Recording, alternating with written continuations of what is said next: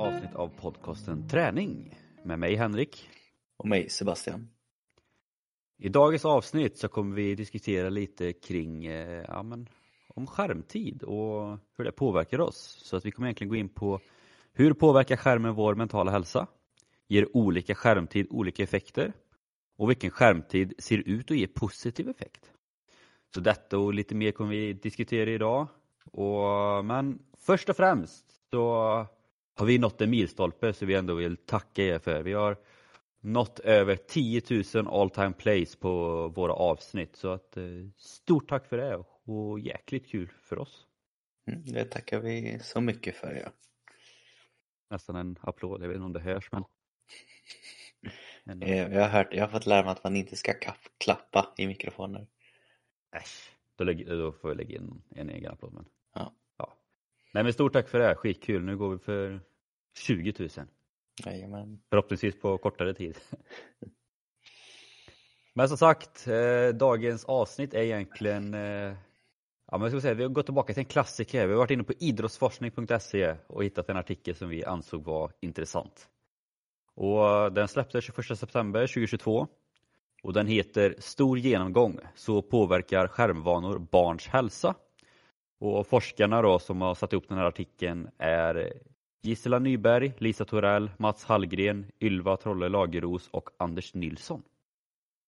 Och först diskuter vi har diskuterat det tidigare och då har det varit liksom lite att ja, men vi tror kanske inte att det är så många som barn och unga eller kanske jättemånga föräldrar, vi har ingen aning som lyssnar, så kanske inte tar med så mycket men sen läste vi igenom och insåg ändå att ja, men, även om det heter för barns hälsa och handlar mycket om barn och unga så tror vi ändå att mycket stämmer även in på vuxna. Liksom. Så att vi kände att men vi, vi ger ett försök och artikeln börjar egentligen med att skärmtid förknippas ofta med ohälsa hos unga men det är mer komplicerat än så, menar forskare. Vi påverkas, men olika och inte bara negativt. Vad vi gör på mobilen och vad vi gör när vi inte använder den spelar också roll för vårt mående. Så vi ska helt enkelt ta reda på så att, vilka effekter ger skärmtid på vår främst då, psykiska hälsa. Och ja, är det något som är mer negativt eller något som är mer positivt med just skärmhälsan? Så att eh, ja, ett intressant avsnitt tror vi. Ja, eh, och vi vill som sagt också kanske vara tydliga med att eh, vi är medvetna om att det finns liksom fysiska negativa effekter med skärmhälsan eller med skärmhälsan eller med skärm när man kollar på en skärm och den mentala hälsan allting egentligen. Men det vi har valt att fokusera lite på just utifrån också den här artikeln. Eh, det är som sagt mer den mentala hälsan. Eh, för det, det är någonting som vi bägge två tycker är som sagt värt att ta upp. Ja.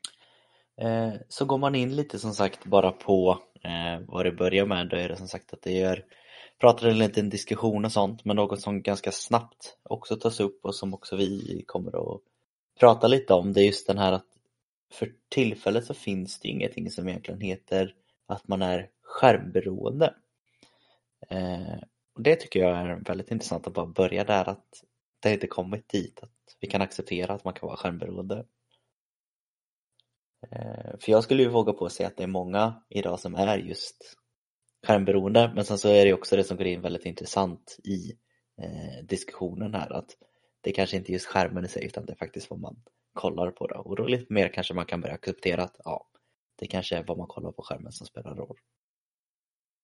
Ja, och det, de har lagt ner ganska mycket tid i just den här artikeln på att jämföra främst egentligen eh, dataspel och sociala medier eh, och jämföra dem, liksom vad, vad skillnaden är av just den form av skärmtiden. Och då skriver de att det finns mycket som tyder på att det kanske inte är just nedlagda minuter och timmar framför skärmen som har störst betydelse för vårt mående. Troligen finns andra viktigare faktorer när det kommer till hur spel, sociala medier och allmänt slösurfande påverkar oss. Vilka vi är, vilket kön vi har och vad vi gör framför skärmen kan ha större betydelse, liksom vad vi egentligen sysslar med när vi gör något annat än hänger där. Och Tänker man bara det spontant så känns ju det ganska, ganska rimligt, för så är det egentligen med allt vi gör i världen, liksom att det är ju sällan tiden utan vad vi gör. Det är samma sak att ja, men, bara för att du tränar 10 timmar så behöver inte det betyda att du får bättre träning än någon som tränar två timmar till exempel eller och liknande. Så att, jag vet inte om det var ett jättebra exempel men ändå lite att jämföra liksom att ja, men, tid kontra då vad man gör. Och de har även lagt med en liten faktabild här, skärmtid bland barn och unga. att 9 till 12-åringar så spenderar 43 procent eh, tid på internet minst tre timmar om dagen. 13 till 16 år 75 procent, 17 till 18 år 81 procent. Eh, och jag och Sebastian diskuterade lite bara att ja, men, ingår det här då tiden man sitter i skolan eller inte? För jag tänker så här, om det innebär också tiden man sitter i skolan så är det inte konstigt att 81 procent av 17 till 18-åringar spenderar minst tre timmar om dagen på internet med tanke på att det är det vi måste. Ja, jag tycker också det är intressant just att diskutera skärmtid och skärmtid och är det väldigt svårt att ta, men det är ju samma där. Jämför man det med en gång eh, hur majoriteten av folk, eh, 18 plus, eh, spenderar liksom. Eh, då är det ju jättemånga bara som där kommer upp över tre timmar om dagen framför en skärm bara på jobbet. Det så kan jag tänka mig att siffran även där är nära liksom på slötittande efteråt när de kommer hem från jobbet dessutom. Mm. Och den, det ger som sagt otroligt mycket olika effekter och det som kanske är störst skillnad också lite det vi kommer att börja diskutera här, det är just skillnaden mellan hur det faktiskt påverkar de som är på sociala medier och de som håller på med dataspel.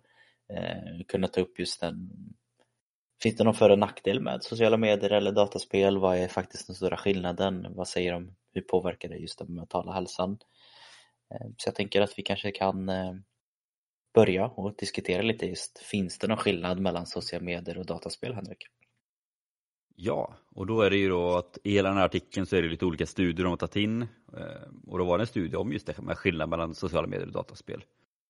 Och då skriver de att tjejerna i studien spelade mycket mindre dataspel än killarna, Eh, vilket en rad andra studier också visar. Istället ägnar de mer tid åt sociala medier.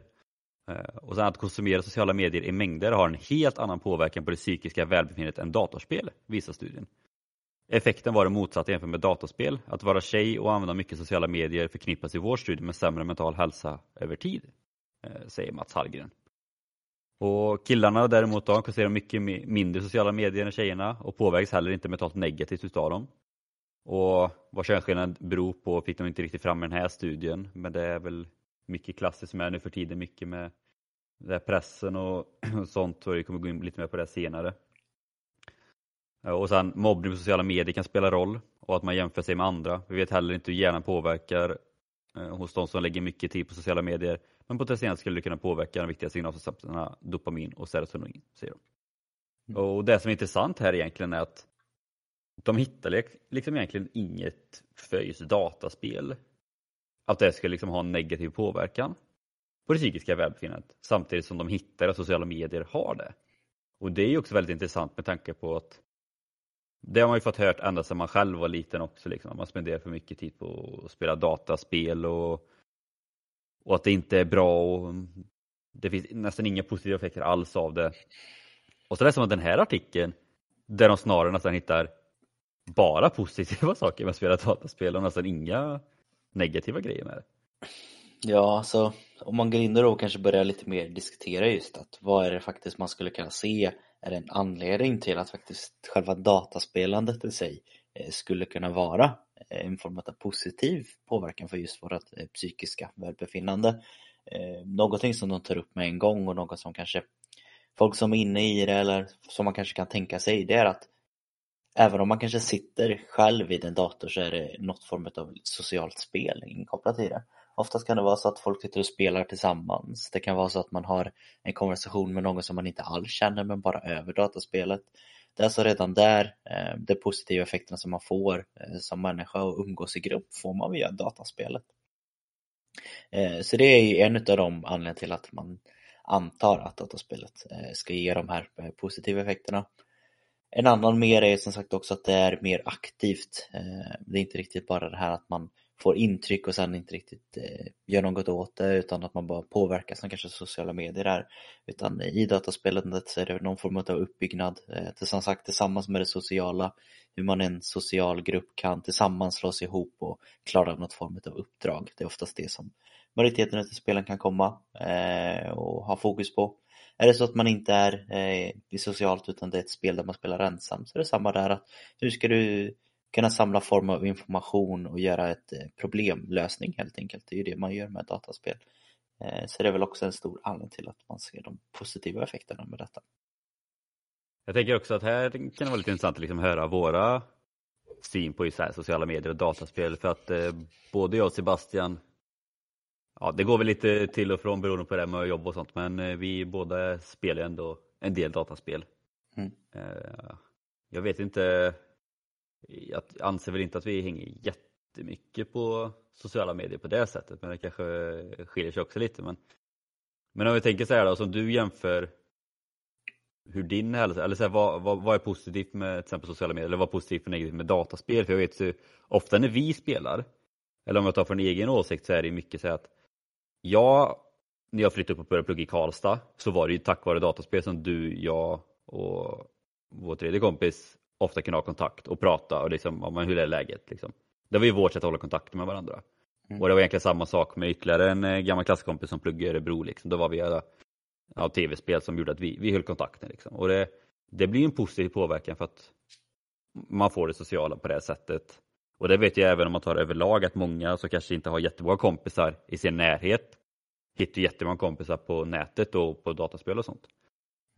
Men sen vet jag ju också att när vi spelar att det är ju sällan det är bra stämning i slutändan när vi spelar.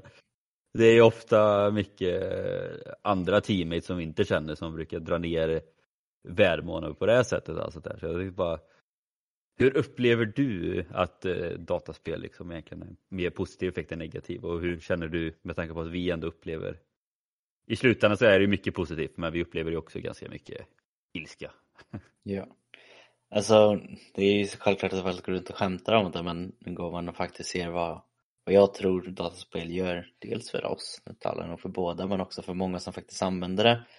Det är ju dels att man, man får någon form av socialt, det är väl det som majoriteten av många vill få ut utav det istället för att sitta och dricka en eller jag upplever det så här att folk som kanske säger att de ska träffas i, i verkligheten, de träffas, sätter sig någonstans, sätter sig på ett café, sen sätter de sig framför en telefon och sen så sitter de och pratar lite med varandra. Så på så sätt kanske inte jag ser någon stor skillnad mellan att sitta framför datorn och prata eller om man träffas där. Självklart är det positiva effekter utav att få den här. Kanske fysiska närheten man tar i hand eller kramas när man träffas, det är sådana grejer och bara vara i grupp, det är jättebra.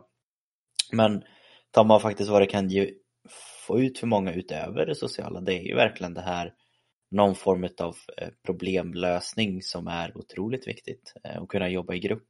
Eh, vi har skämtat om det tidigare också, men jag är rätt övertygad och jag vet även att det finns forskning på att folk som håller på med dataspel är generellt starkare i olika former av problemlösningar, även har enklare att jobba i grupp. Eh, det är ofta som du och jag slänger runt och tycker att det känns som att folk inte riktigt tänker på om man jobbar tillsammans. Hur kan man tänka så? De bara kör själva. Eh, självklart så sker även det i spelet men även i verkliga livet. Så jag tror ju där att många får med sig väldigt, väldigt mycket just på att lösa problem i grupp, vilket är, skulle jag säga, egentligen det som hela livet går ut på efter ett tag. Att man, man går till jobbet, man behöver lösa problem i grupp för att klara en uppgift på jobbet. Man kommer hem, man behöver lösa problem i samband med andra personer hemma, antingen eh, om man är själv kanske inte riktigt på samma sätt, men har man en familj, då är det där logistik och allting ska finnas. Eh, det är någonting som man aktivt jobbar med tillsammans med dataspel. Eh, sen så tror jag alltid att det är bra att få någon form av outlet för de flesta människor, antingen om det är via fysisk träning eller något, att där man kan få göra av med både eh, energi eh, men även koppla bort sig ibland från saker som runt omkring sig kan påverka negativt som till exempel stress eller stress över jobb eller liknande. Men även faktiskt få ta ut känslor i form av antingen eh, att man blir lite arg eller att man blir lite ledsen eller att man helt enkelt bara ger upp ger upp på allting känns det ibland när man kan sitta och spela. Men jag tror att det, det är en bra, det är ett alternativ för eh, många tror jag att faktiskt kunna eh, få ta ut det med hjälp av dataspel. Eh, jag tror inte det riktigt påverkar mig så mycket negativt i alla fall utan det är väl enbart positivt skulle jag säga. Ehm, ja. Hur känner du? Nej men det är egentligen samma sak. Jag vet ju de tog ju upp här också i artikeln liksom att dataspel är ju bra på det sättet som du nämnde, liksom det, att det är mycket problemlösning, man måste tänka eh, liksom ändå mentalt påfrestande, man kan göra av med energi. Så det innebär ju sen liksom att när man slutar tjänst så är man ju uttömd, man är trött och seg. Lite som det är samma sak när man vid, vid fysisk träning, liksom att man kommer hem sin träning så är man trött, man är uttömd och allt sånt där. Och det är väl det som inte sociala medier får ut på samma sätt liksom, utan det, Det är egentligen bara att man scrollar och blir fast och det är väl blicken som snarare blir ut istället. Mm. Och sen, sen är det jätteolika från person till person. Men jag vet ju i alla fall när vi spelar att har vi en, har vi en dålig dag när vi spelar, vi bara förlorar och vi har dåliga teammates och inget funkar så här, då, då är man ju vansinnig och man nästan vill rage quitta liksom och bara stänga ner. Men sen så fort man stänger ner det så är det ändå så här bara att, ja, då, då är man tillbaka, man är fortfarande trött och uttömd men känslan är liksom borta så fort man stänger ner spelet. Och det, det vet jag väl också att det är väldigt olika från person till person. Eh. Jag tänker det är mer på att vi vi har kanske lite svårt att acceptera att man kan förlora i saker. Det är väl mer vinnarskallarna där som Ja. går in och eh, gör att man blir lite irriterad där och då. Men sen så är det som sagt att det kanske inte är riktigt lika viktigt att vinna, vinna på ett spel som att klara något annat. Liksom. Jo. Jo. Nej. Nej men jag vet, det är samma sak, jag vet inte hur ofta jag säger när vi spelar Valorant till exempel att jag ska avinstallera skitspelet och sen dagen efter så är jag fortfarande och spelar och har skitkul. Så det, det är ju så liksom. Men ändå, det är ändå kul att jämföra lite. Och ska vi gå tillbaka sen lite till just sociala medier också. Det som också fått fram är ju egentligen främst det här eh, att det, ja, men det lockar fram tjejer, eh, men precis som skärmberoende ännu inte klassas med diagnos, finns heller inget diagnos som heter sociala medieberoende. Och de ser ju att sociala medier kan ha väldigt stora negativa effekter och det som tyvärr också syns tydligt i deras studie är liksom att barn och unga som redan är utsatta och har problem, till exempel ångest och depression och liknande, har ju lättare att påverkas av sociala medier och då till exempel utveckla en ätstörning eller åka ännu mer djupare i ångesten och depressionen. Vilket är väldigt tråkigt, för jag kan ju också tänka mig att många som mår dåligt också nyttjar sociala medier för att komma ifrån sin egna värld. Mm. Men om man då liksom kommer ifrån sin egna värld men där internetvärlden får få den att må ännu sämre så har ju vi ett riktigt stort problem. Ja, alltså man, man ser ju det som sagt att det med de här sociala medierna, det är också så att det blir sämre mentalt över tid. Så längre man håller på med det så blir det ju också sämre och sämre. Eh, det som också sker är ju verkligen det Henrik tar upp där, det är det här otroligt sociala eh, yttre trycket som vi har pratat om extremt massor med gånger. Så liksom som exempel att utseendefixering, eh, man jämför livsstil, man har liksom koll på det här, det här kan de göra, det här kan inte jag göra. Eh, Man målar upp en form av eh, ett perfekt liv på de sociala medierna. Och är det sånt man matas med hela tiden då blir det som sagt den känslan att varför klarar inte jag av det här? Varför ser inte jag ut på det här sättet?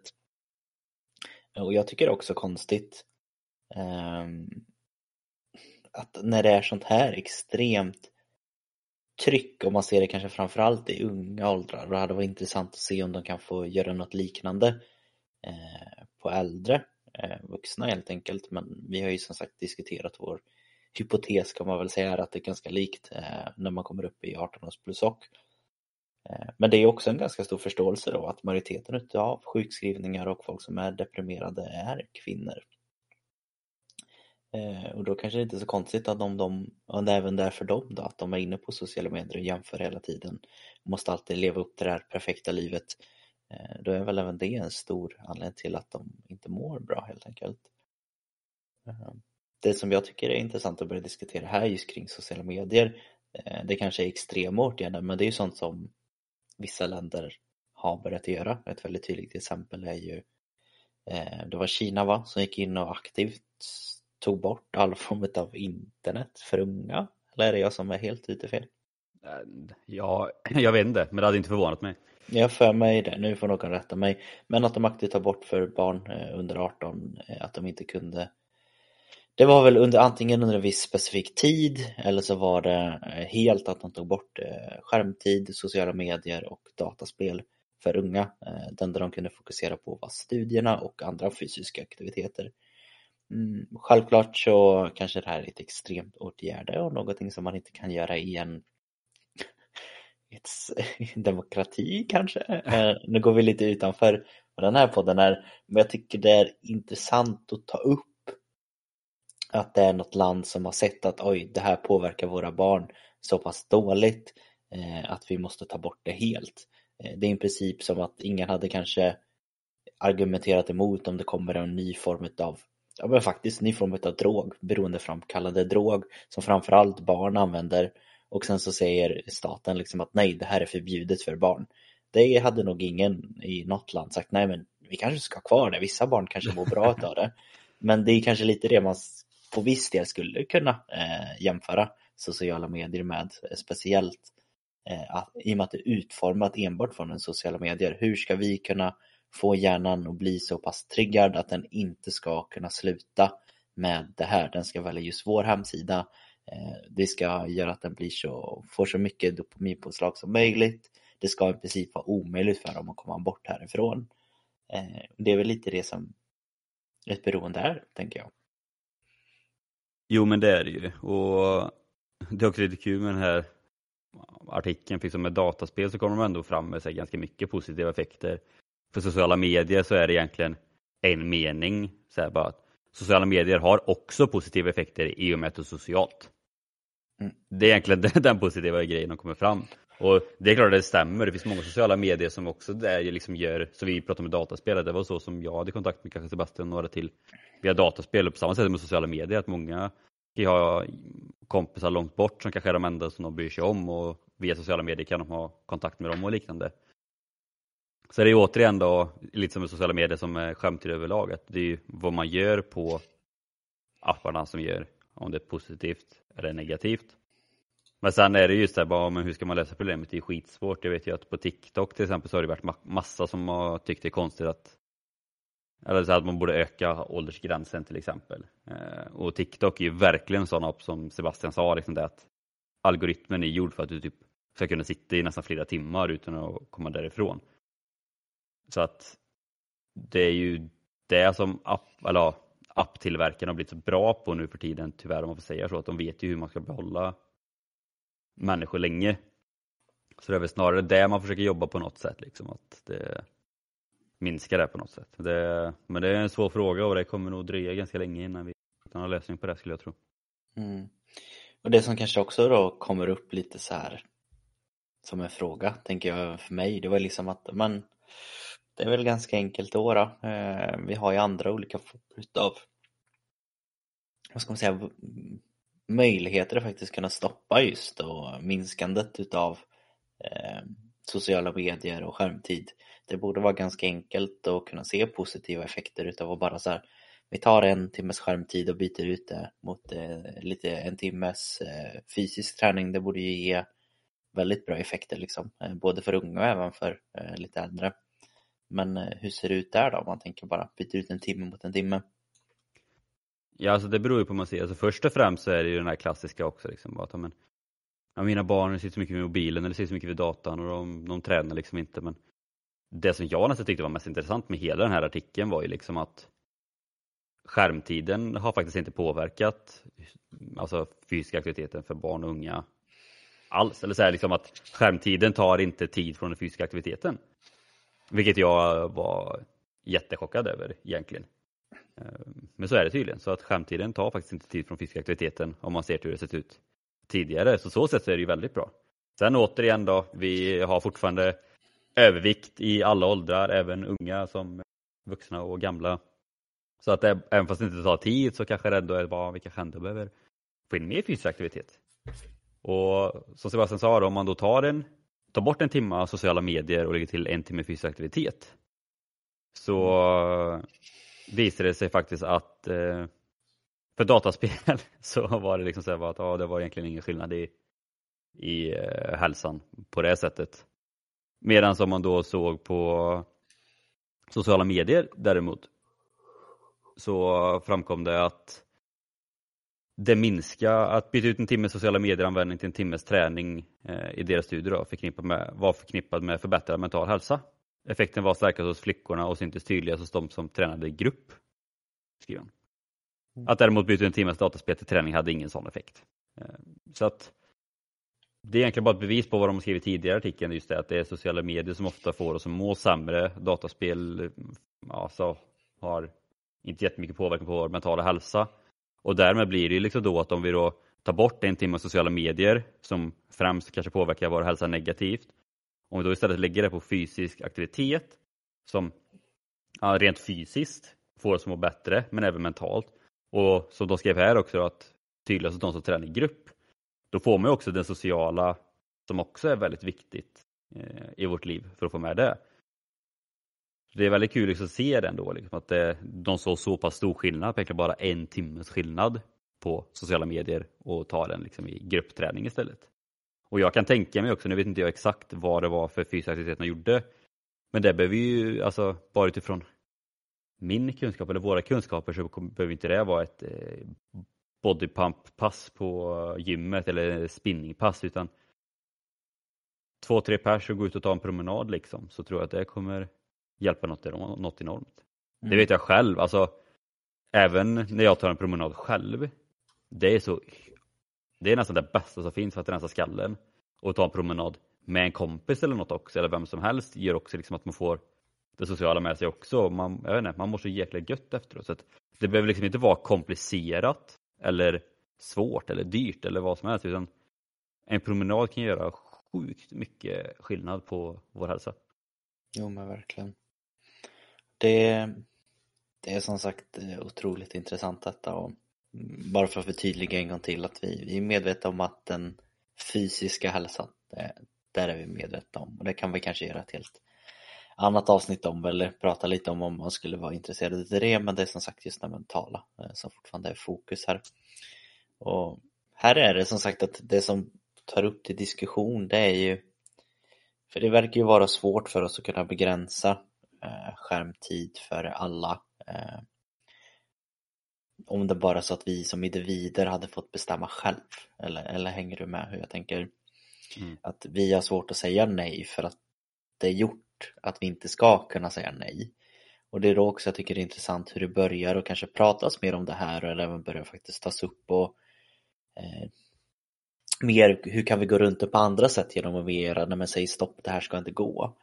Tar man ett tydligt exempel på unga så är det ju som sagt att jag vet att det har väldigt länge varit en rekommendation att man inte ska använda mobiler till exempel på skolan, att de ska lämna in det. Det här är väl någonting som på vissa skolor kanske har funkat okej, okay. på vissa skolor har det inte fungerat alls. Eh, det har varit en diskussion, ska man verkligen kunna göra det? Jag för mig att jag även där har hört att snart kommer det också bli Obligatorisk, Eh, diskuteras det om att man inte ska ha eh, telefoner under skoltid. Vilket jag tycker känns egentligen jätterimligt. Eh, varför ska du ha det för? Det enda du ska, du har det. Eh, det kanske kan finnas då olika former av digitala eh, roliga grejer som man kan göra som tv-spel, dataspel som man kan få tillgång till med sociala medier är portat ifrån skoltid. Det här är något som jag också tänker skulle kunna göras ganska tydligt ifrån eh, arbetsgivaren. Du ska kanske inte riktigt vara på sociala medier eh, självklart så kan det finnas någon form av liten glappa ifall det är så att du använder sociala medier i en form av marknadsföringssyfte eller annat.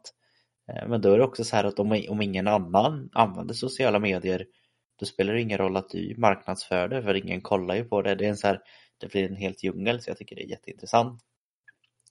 Och något som jag vill ta upp som jag tycker är väldigt intressant eh, som jag tror är framtiden sen kanske inte riktigt du och jag är inne i Henrik för vi är inte riktigt med kidsen längre om man säger så utan Va? Ja, vi får väl erkänna det. Men det är den här nya appen som har blivit ganska stor bland framförallt yngre som heter Be Real. Har du hört något om den? Jag tror det. Be Real för de som inte har hört den, det tycker jag är ett väldigt intressant koncept. Det är ett koncept att den här appen öppnar upp sig bara några gånger per per dag. Jag kan tänka mig kanske någon gång per timme. Eh, de skulle kunna göra det ännu längre än så tänker jag. Men det som sker är att du har under en specifik tidsspann på dagen bara på dig några minuter och ta ett kort. Det här kortet gör att du tar ett kort med framkameran. Du tar alltså kort på vad det är du ser. Ett exempel är om jag hade tagit kort nu och min Bereal hade satts igång. Då hade jag tagit kort på en skärm. Den här skärmen visar att jag spelar in en podcast. Sen hade den också tagit en kort på själva ja, men facecam-kameran och du tar en kort på mig när jag sitter och sitter med hörlurar och har mick framför mig. Eh, när jag tar kort på denna, först då när jag tar ett kort får jag tillgång och se dem som jag följer på Boril och vad de gör. Eh, efter ett litet tag så tas allt det här bort, hela appen stängs ner igen och vi har inte tillgång till några former av sociala medier. Det är alltså bara korta intervaller per dag som man får tillgång till att se de här real eh, sakerna på. Eh, det jag tänker är intressant är att där blir det ju verkligen, när det även blivit accepterat och lite coolt, att man bara kan ta ett kort lite då och då, sen försvinner det. Och där är det ju verkligen ett sätt att gå runt den här och vara fast i sociala medier. Man kanske får ut bara det roliga och positiva då, att oj vad kul, jag tar en bild här med mina kompisar, vi kollar lite snabbt på vad mina andra eh, kompisar, kollegor gör och sen så stängs appen ner och sen kan jag inte göra mer och då behöver jag inte tänka riktigt på det. Men alltså, du tror inte att det istället kommer bli ett problem där att det kommer bli en press på sig att man måste vara beredd när den tiden dyker upp? Jo, det är väl klart att sådana saker kan komma upp, men sen kan du ju också då välja eh, det är ju alltid så med sociala medier-trycket att man vill alltid ta den coolaste bilden, man vill alltid eh, försöka utmana sig mycket och det kommer ju självklart bli väldigt tryck i och med att man inte kan redigera tillfällen, vilket det kommer säkert komma andra negativa effekter utav det. Eh, men jag tror just för den här att minska och sitta så eh, jag tror ändå så det kan bli lite mer att man living in the moment up mm. Eh, och det känns lite som att det är på väg lite dit och det har vi pratat om länge med sociala medier att det är mer vanligt idag att kunna gå ut på Instagram och man ser sin följare prata om mental ohälsa och hur även hon som, eller han som kanske jobbar med sociala medier tar en paus från sociala medier. Ehm, så det är ju rullgång tänker jag. Men eh, det är en intressant tid att se vilken sida det är som vinner nästan, tycker jag. Att är är det okej att ta sig bort från sociala medier eller kommer det bli ännu mer sociala medier? Eh, och kommer vi i så fall kunna anpassa oss efter mindre eller mer? Eh, och kan man på något sätt eh, ta fram nya sociala nätverk där man inte får exakt de negativa effekterna. Nej, det är verkligen svårt som sagt och jag tror att det som kommer avgöra alltihopa kommer ju vara om ingenjörerna eller apptillverkarna sagt, vill de skapa en app för att tjäna så mycket pengar som möjligt eller vill de skapa en app som är så bra som möjligt? Jag tror det är det som kommer avgöra väldigt mycket. Och Sen vill jag bara tillägga på det du pratade om med skolorna och det också, liksom med mobilförbud och sånt, att jag håller med om mycket om det. Sen typ det enda negativa jag läst om det har jag läst från vissa föräldrar som kommenterar liksom så här också att barn som kanske är mobbade och inte har några kompisar på sin skola kanske bara har sina kompisar via sociala medier och liknande mm. och liksom då kanske också chansen är större att de blir alltså, mobbade för att de andra inte heller kan ha sina mobiler och liknande. Men så, alltså allting blir så jäkla svårt, det, såklart det finns för och nackdelar med allting och det är ju ett problem som vi i hela världen behöver ta hand om. Liksom. Och det gäller egentligen inte bara barn och unga heller, utan det är som sagt när vi läste den här, liksom, att mycket av det vi pratat om idag gäller ju även vuxna också. Skillnaden är så på att studien är gjord på barn och unga, men jag kan nästan garantera att resultaten har sett likadant ut på majoriteten av vuxna också.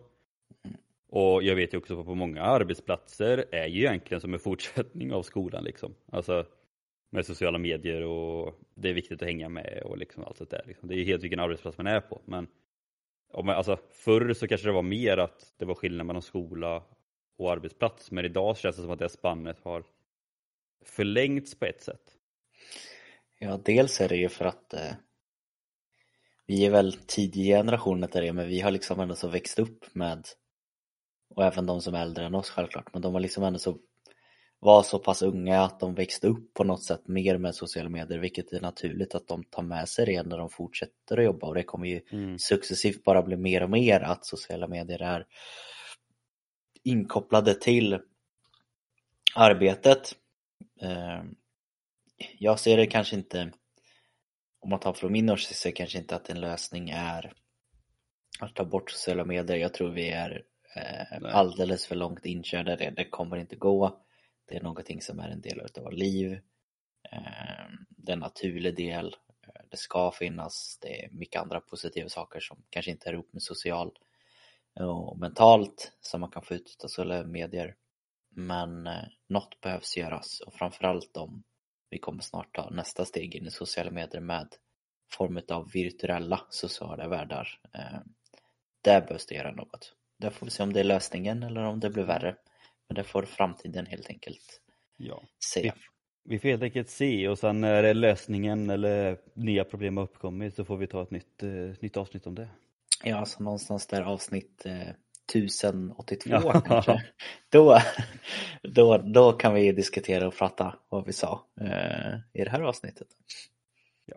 Men ska man sammanfatta lite då så kan man ändå liksom säga att sociala medier är inte jättebra för vår mentala hälsa. Eh, dataspel är lite bättre. Så att eh, om ni har några barn och unga där hemma så är det bättre att de spelar dataspel än sociala medier. Men samtidigt så är det ju återigen liksom att har de möjlighet kanske till lite mer fysisk aktivitet så är det bara bra. Liksom. Alltså, även om dataspel här ändå visar på många positiva effekter så finns det fortfarande en gräns. Liksom. Alltså, det, det är fortfarande bra att fortfarande ha ett vanligt liv, andra hobbys eller bara träning och sånt så att det inte bara blir för mycket. Och till er som lyssnar också, alltså ta en funderare själva på men hur mycket tid lägger ni på sociala medier? Ger det ens er den effekt som ni tror att den ger? Eller får ni också bara sämre effekter av det egentligen? Att det har blivit ett beroende som, fast ni egentligen inte vill ha det. Mm. Bra avslut, jag har inte så mycket att tillägga där faktiskt. Det är perfekt. Annars är det väl som vanligt då, helt enkelt att vi tackar just er för att ni lyssnar. Eh, det är vi väldigt tacksamma för. Eh, rekommenderar kanske att man ska gå in och dela den här podcasten till någon som man känner att oj, du behöver ha lite koll på din sociala medier-tid eller något annat. Eh, och är det så att du har mer frågor kring det här eller något annat så kan du ju gå in på våran Instagram, ett traningpodcast och skicka ett meddelande Eh, antingen om dagens avsnitt eller om du kanske vill ha eh, ett ämne som du kanske brinner lite extra för och vill veta lite mer om, som kanske om träning eller kost eller vad som helst. Gå in och skriv till oss på eh, Instagram helt enkelt. Ja ja. Annars så mm. tackar vi för oss helt enkelt och vi hörs nästa vecka helt enkelt. Mot 20 000, det gör vi. Ha det gott!